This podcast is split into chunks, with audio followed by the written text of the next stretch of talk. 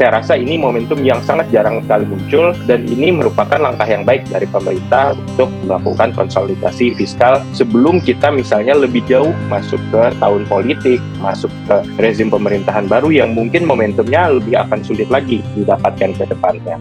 Media Keuangan Podcast. Pemerintah komit menormalisasi defisit kembali di bawah 3% PDB pada 2023. Seiring dengan penguatan pemulihan mesin-mesin pertumbuhan ekonomi, penyehatan fiskal perlu dilakukan agar tetap prima sebagai instrumen untuk menyejahterakan rakyat di tengah risiko dinamika global. Apakah strategi konsolidasi fiskal 2023 sudah tepat? Bagaimana rancangan APBN 2023 untuk mencapai konsolidasi fiskal tersebut? Simak obrolan media keuangan dengan ekonom LPEM FEB UI, Toku Rifki, pada podcast berikut. Salah satu dari postur itu yang menurun dari Outlook 2022 itu kan belanja pemerintah pusat nih Mas, karena dalam rangka konsolidasi fiskal. Menurut Mas Rifki sendiri bagaimana nih terkait hal ini? Oke, okay, jadi pertama mungkin kalau kita melihat penurunan dari anggaran pemerintah pusat, ini tadi juga sudah disampaikan ya oleh Mbak Dara bahwa memang ada kebutuhan konsolidasi fiskal. Tapi memang kalau kita melihat secara lebih luas lagi, kita ini memang belum ketemu momentum yang strategis untuk kita melakukan konsolidasi fiskal. Paling tidak sebelum adanya pandemi COVID-19. Nah, dengan adanya pandemi COVID-19, ini salah satu blessing in disguise-nya adalah kita jadi bisa melihat anggaran-anggaran mana yang sebetulnya selama ini kita belum gunakan secara efektif dan efisien gitu. Karena kemudian kita dipaksa berhemat sedemikian luar biasanya baru kita menyadari gitu. Ternyata ada pos-pos anggaran tertentu yang memang sebelumnya masih kurang efektif masih kurang efisien dan ini kita bisa uh, melakukan efisiensi lebih lanjut. Dan ini kemudian juga diteruskan dengan rencana konsolidasi fiskal yang salah satu latar uh, belakangnya ada adalah memang kebutuhan untuk mengembalikan defisit di bawah tiga persen sesuai yang dimandatkan oleh undang-undang. Jadi memang penyehatan anggaran dalam bentuk konsolidasi fiskal ini jarang sekali muncul momentumnya gitu. Karena dengan berbagai macam alasan, tentu dengan berbagai kepentingan yang muncul yang sering kali kontradiktif antara stakeholders, juga kalau di kondisi normal ini biasanya ongkos politiknya atau political cost-nya cukup tinggi sehingga jarang kita menemukan momentum untuk betul-betul menyehatkan fiskal, di sinilah kemudian ketemu momentumnya. Juga banyak yang berargumen bahwa konsolidasi fiskal ini bisa jadi menimbulkan kekurangan efektivitas dari uh, aktivitas ekonomi kita. Ini kan banyak yang berargumen uh, sedemikian rupa bahwa kalau anggaran ini dikurangi, nanti kita nggak optimum outcome-nya, nggak uh, nggak optimum hasilnya. Tapi yang perlu di-highlight adalah bahwa konsolidasi fiskal ini satu perlu dilakukan, kedua juga kita perlu lihat poin-poin utama dari fiskal ini selama masih bisa dipenuhi maka konsolidasi fiskal ini sebetulnya baik gitu. Nah dari segala kebutuhan fiskal ini apa sih yang perlu dideliver oleh pemerintah? Satu adalah uh, kesejahteraan masyarakat. Dua adalah kesejahteraan masyarakat tadi itu include ya pendidikan, kesehatan dan lain semacamnya. Lalu juga yang perlu pemerintah deliver adalah kesejahteraan masyarakat tadi apakah tepat sasaran gitu. Apakah kemudian masyarakat yang misalnya paling perlu dilindungi oleh negara, masyarakat miskin dan rentan ini dipenuhi kebutuhannya gitu. Nah, kalau kita lihat dari postur RAPBN 2000 2023 rasanya ini sudah dipenuhi gitu. Jadi di satu sisi kita bisa mendapatkan momentum penyehatan anggaran negara tadi, di sisi kedua kita juga tidak meluputkan kebutuhan-kebutuhan yang memang perlu dipenuhi oleh anggaran fiskal kita. Jadi saya rasa ini momentum yang sangat jarang sekali muncul dan ini merupakan langkah yang baik dari pemerintah untuk melakukan konsolidasi fiskal sebelum kita misalnya lebih jauh masuk ke tahun politik, masuk ke rezim pemerintahan baru yang mungkin momentum momentumnya lebih akan sulit lagi didapatkan ke depannya. Terkait dengan situasi kondisi saat ini ya Mas ya, di mana dinamika ekonomi global benar-benar penuh ketidakpastian ya. Nah, salah satu alokasi belanja negara terbesar kedua itu untuk perlindungan sosial, yang mana untuk menguatkan peran APBN sebagai shock absorber ya Mas. Apakah ini strategi kebijakan yang tepat menurut Mas Rifki dalam upaya untuk mendorong konsumsi rumah tangga dalam kaitannya menjaga momentum pemulihan ekonomi? Iya, ini saya rasa secara penganggaran sudah tepat Mbak Dara, karena begini, ini juga mungkin sudah sering disampaikan oleh pihak pemerintah kita, bagaimana kemudian peran kebijakan fiskal ini harus masuk di dalam berbagai kondisi perekonomian negara. Ini yang sering juga kita luput atau tidak mungkin belum sepenuhnya masyarakat memahami adalah fungsi kebijakan fiskal itu sejatinya perlu sebagai kebijakan yang kontrasiklus atau countercyclical. Jadi saat mesin pertumbuhan ekonomi lain ini tidak bisa tumbuh atau kemudian terpukul akibat krisis atau kemudian akibat pandemi, ini peran kebijakan fiskal harus naik gitu. Jadi saat kemarin kita di pandemi COVID-19, saat konsumsi masyarakat terpukul, investasi juga terhambat, lalu kemudian ekspor impor kita juga sangat minim growth-nya, maka di sini government expenditure yang harus masuk, yang harus meningkat. Nah, saat ekonomi sudah mulai pulih, seperti yang kita lihat sekarang, konsumsi rumah tangga bisa pulih dengan sendirinya, investasi bisa tumbuh pesat dengan mekanisme pasar, pun juga dengan ekspor impor kita yang terus tumbuh, maka government spending ini harusnya turun gitu. Jadi nggak ada keperluan untuk government spending untuk kebijakan fiskal ini ekspansif seperti saat pandemi. Kenapa harus demikian mekanismenya? Karena kalau kemudian uh, government expenditure ini terus-terusan jor-joran, kita akan memiliki postur fiskal yang jebol, gitu, postur fiskal yang nggak sustainable. Makanya saat ekonomi ini sudah, mesin-mesin ekonominya ini sudah mulai pulih, maka kita perlu ada efisiensi di postur fiskal kita. Nah, walaupun terjadi efisiensi, ini juga jangan ditutup kemungkinan bahwa kalau ada disrupsi, kalau ada gangguan di ekonomi kita, maka lagi-lagi tadi fiskal kita harus berperan counter cyclical atau dalam kata lain berperan sebagai shock absorber gitu. Jadi tentu dari postur fiskal kita harus terefleksikan ini jaring pengaman sosial, perlindungan sosial harus tetap ada gitu. Bukan semata-mata untuk didisburse secara penuh, tapi kemudian kalau pertumbuhan ekonomi ini terganggu, kita memiliki buffer yang cukup gitu untuk tadi melindungi masyarakatnya, terutama masyarakat miskin dan rentan gitu. Jadi jangan sampai kemudian saat krisis ini kita nggak punya kapasitas yang cukup untuk melindungi masyarakat yang kira-kira dia itu nggak punya tabungan yang cukup gitu, yang rely katakanlah dari pendapatan hari ke hari gitu. Sedangkan kan mereka tetap butuh makan, tetap butuh bayar uh, cicilan kontrakan atau rumah gitu. Dan tetap butuh misalnya membayar keperluan untuk pendidikan dan kesehatan gitu. Jadi ini adalah peran fiskal sebagai shock absorber yang sejauh ini memang terlihat di RAPBN kita. Jadi nanti tinggal bagaimana saat worst case ini terjadi apakah ini bisa diimplementasikan secara optimum atau tidak itu yang kemudian menjadi challenge berikutnya.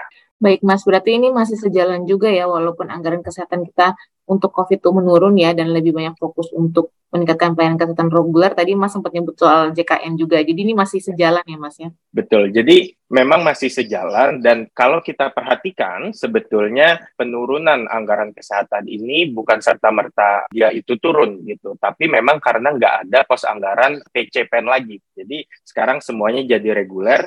Tapi kalau kita bandingkan anggaran yang reguler kesehatan kemarin dengan anggaran reguler kesehatan sekarang justru meningkat gitu. Jadi ini hanya pengalihan fokus saja gitu bahwa kemarin difokuskan heavy ke pandemi COVID-19, sekarang bagaimana kita membangun resiliensi gitu. Kita sudah nggak terlalu berkutat dengan pandemi, tapi bagaimana kita uh, mengentaskan isu-isu kesehatan yang selama ini ada. Contoh kita lihat di Indonesia ini banyak tingkat kematian paling besar itu kalau saya nggak salah akibat penyakit kanker, akibat penyakit jantung. Nah, ini contoh saja misalnya untuk uh, penyakit jantung itu di daerah-daerah pelosok masyarakat belum bisa misalnya pasang ring jantung gitu kalau kena stroke. Contoh di daerah pedalaman Sulawesi, dia itu mungkin harus ke kota-kota besar di Sulawesi seperti misalnya Makassar untuk bisa pasang ring jantung. Nah, ini coba pemerintah tackle dengan peningkatan anggaran kesehatan agar di desa-desa ini masyarakat kalau mau pasang ring jantung nggak harus jauh gitu. Bahkan kalau kondisi emergensi misalnya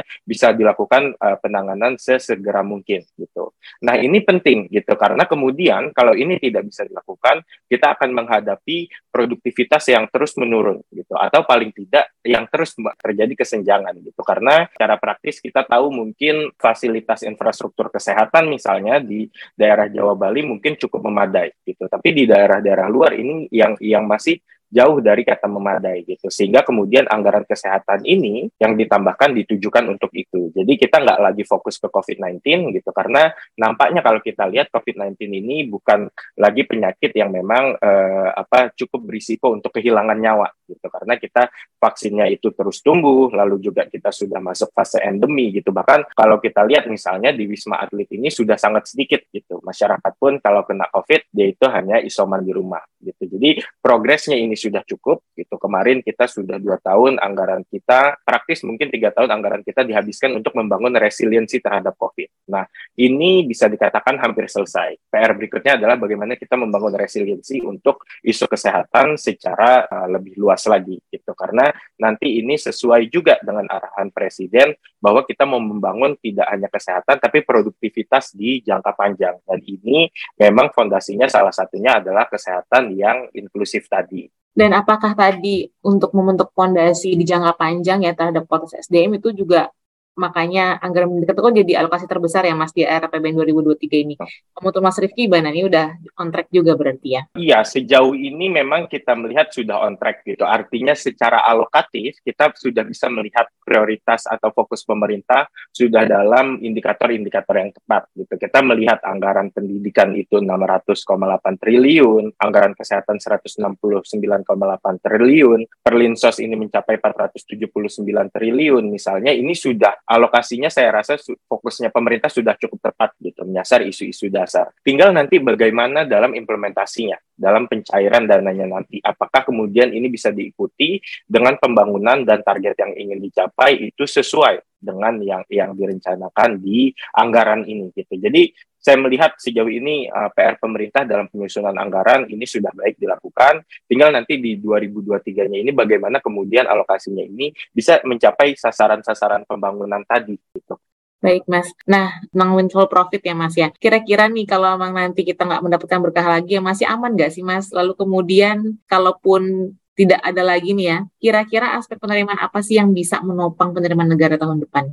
Oke, pertama mungkin saya coba jawab dari pertanyaan Mbak Dara terkait apakah kalau kita nggak mendapatkan windfall profit, kita tetap aman atau enggak gitu. Nah, definisi aman seperti apa nih yang kita mau kejar gitu? Karena kalau kita ini nggak ada windfall profit, pasti yang satu penerimaan turun. Tapi kalau kemudian belanjanya bisa kita efisiensikan, kita juga tetap akan aman gitu. Jadi saya rasa kalau kita kita paling nggak uh, most likely sudah tahu tahun depan windfall profit, kalaupun ada nggak akan sekencang tahun ini gitu, karena harga-harga komoditas sudah mulai ternormalisasi. Uh, Tapi kalaupun itu kita nggak bisa mendapatkan sebanyak sekarang, paling nggak kita tahu gitu bahwa revenue kita nggak sebesar itu, belanja kita yang harus dikurangi. Karena kalau belanja kita nggak dikurangi, pasti defisit kita nggak mungkin sebagus tahun ini gitu. Apalagi di tahun depan ada kebutuhan defisit yang harus lebih rendah lagi gitu di bawah tiga persen.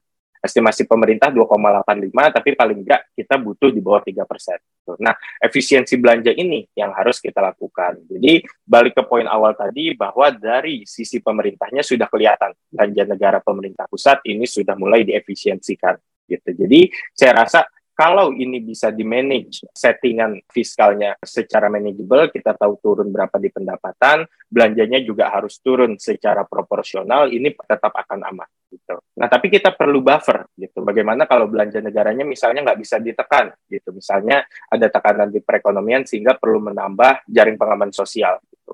Nah, ini kita juga perlu optimisasi lagi dari sisi dari sisi penerimaannya atau pendapatan negara gitu. Pendapatan baik perpajakan maupun PNBP ini harus terus dioptimisasi lagi. Kemarin pemerintah sudah mengeluarkan HPP ini kita sudah melihat dampaknya sudah terlihat cukup positif walaupun belum terlalu besar kita harapkan tahun depan ini penerimaan uh, yang didorong dari HPP ini semakin besar gitu dengan juga sisi compliance yang lebih diperkuat gitu. Jadi selain dari basis pajaknya kita perbesar, nilai nominal kita perbesar, tapi compliance-nya juga kita perlu terus kejar gitu. Nah, ini adalah masalah bagaimana di lapangannya nanti gitu kita bisa optimumkan penerimaan pajak gitu. Nah, kita melihat sekarang ini ada momentum konsumsi rumah tangga terus tumbuh, investasi terus tumbuh. Gitu. Nah, ini sebetulnya adalah momentum yang tepat untuk pemerintah misalnya mengoptimumkan penerimaan dari sisi PPH, dari sisi PPN yang juga sudah di, diatur dalam HPP yang baru. Gitu. Tinggal bagaimana nanti mekanisme pelaksanaannya ini bisa teroptimisasi dalam bentuk pendapatan negara yang terus meningkat tadi. Jadi kira-kira seperti itu Mbak Dara potensi-potensi yang yang bisa kita terus kejar ya untuk menjadi buffer di tahun depan kalau windfall kita sudah tidak seoptimum tahun ini lagi. Baik, terima kasih Mas Rifki. Nah, tadi defisit nih ya, nyambung tadi Mas Rifki sempat menyebutkan 2,85 persen. Memang itu yang ada di nota keuangan. Menurut Mas Rifki ini angka ini udah cukup pas atau gimana? Saya rasa sih cukup masuk akal gitu, walaupun relatif agak optimis ya. Karena memang kalau kita lihat dari sisi defisit ini kan ada dua aspek.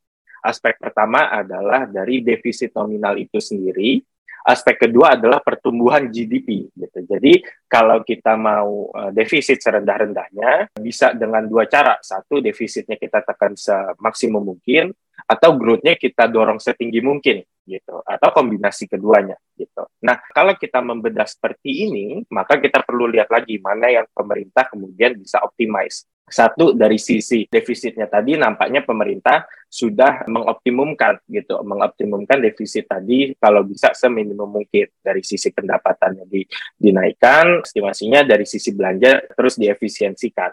Nah, ini tinggal bagaimana pemerintah bisa stick dengan angka nominal defisit ini tahun depan. Sambil dengan waktu bersamaan growth-nya kita terus dorong gitu. Kalau bisa pemerintah terus dorong, masyarakat terus dorong di tahun 2023 gitu agar ini juga semakin smooth kita mencapai defisit ini.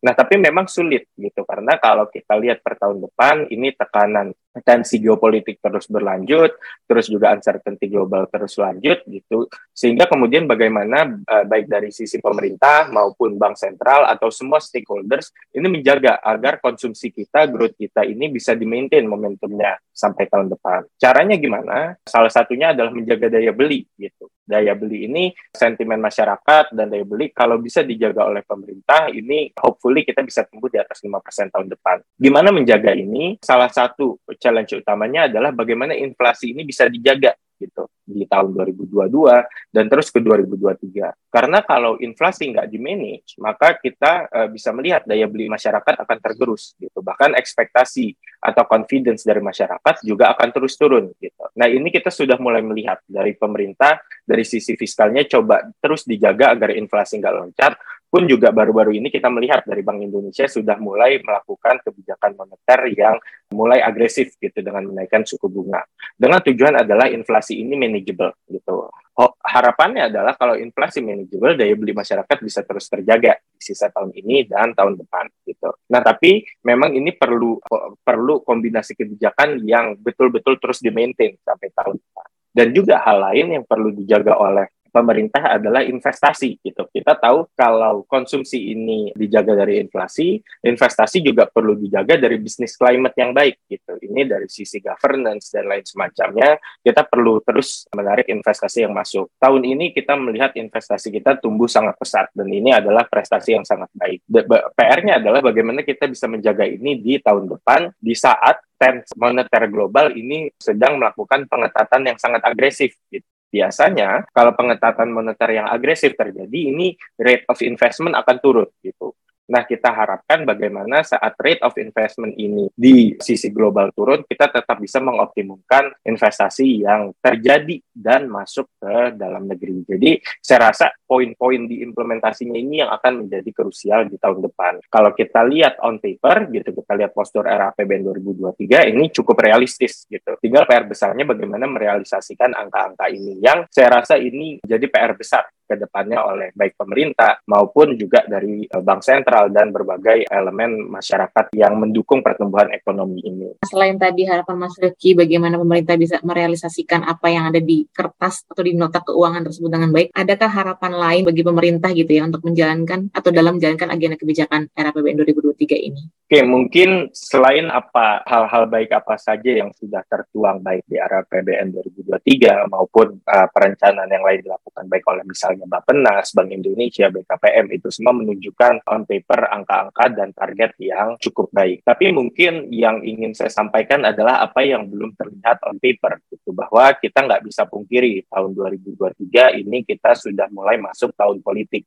2023, 2024 gitu. Dan sering kali ini terjadi tidak hanya di Indonesia tapi berbagai negara gitu termasuk Indonesia. Kalau masuk tahun politik itu biasanya kebijakan populis di maintain atau bahkan ditambah gitu. Kebijakan-kebijakan yang perlu atau necessary reform itu biasanya di postpone atau bahkan di ignore sama sekali. Nah, poin yang ingin saya sampaikan adalah mungkin sejauh ini kita sudah melihat Kementerian Keuangan sudah melakukan milestone yang cukup baik. Bahkan sudah bekerja sangat extraordinary membentuk kebijakan fiskal yang sangat resilient selama pandemi COVID. Dan instead of misalnya kemudian nanti berfokus terhadap tekanan-tekanan politik, saya rasa yang akan lebih long lasting atau yang akan dikenang oleh masyarakat misalnya adalah bagaimana meninggalkan legacy. Jadi kalau kemudian nanti pemerintah berhasil melakukan reform subsidi, itu adalah legacy baik yang bisa ditinggalkan. Nggak hanya misalnya dari sisi Kementerian Keuangan saja gitu, tapi dari rezim pemerintahan yang ada saat ini gitu. Walaupun pola historis menunjukkan ini less likely terjadi gitu, karena biasanya muncul kebijakan populis gitu. Tapi harapan saya kalau kemudian uh, pemerintah atau rezim sekarang bisa berfokus terhadap membangun legacy yang baik gitu, tidak hanya untuk postur fiskal, tapi juga untuk reform pembangunan secara besar dan untuk masyarakat lebih luas, saya rasa ini akan menjadi yang dikenangnya akan cukup panjang gitu. Baik, terima kasih banyak Mas Rifki.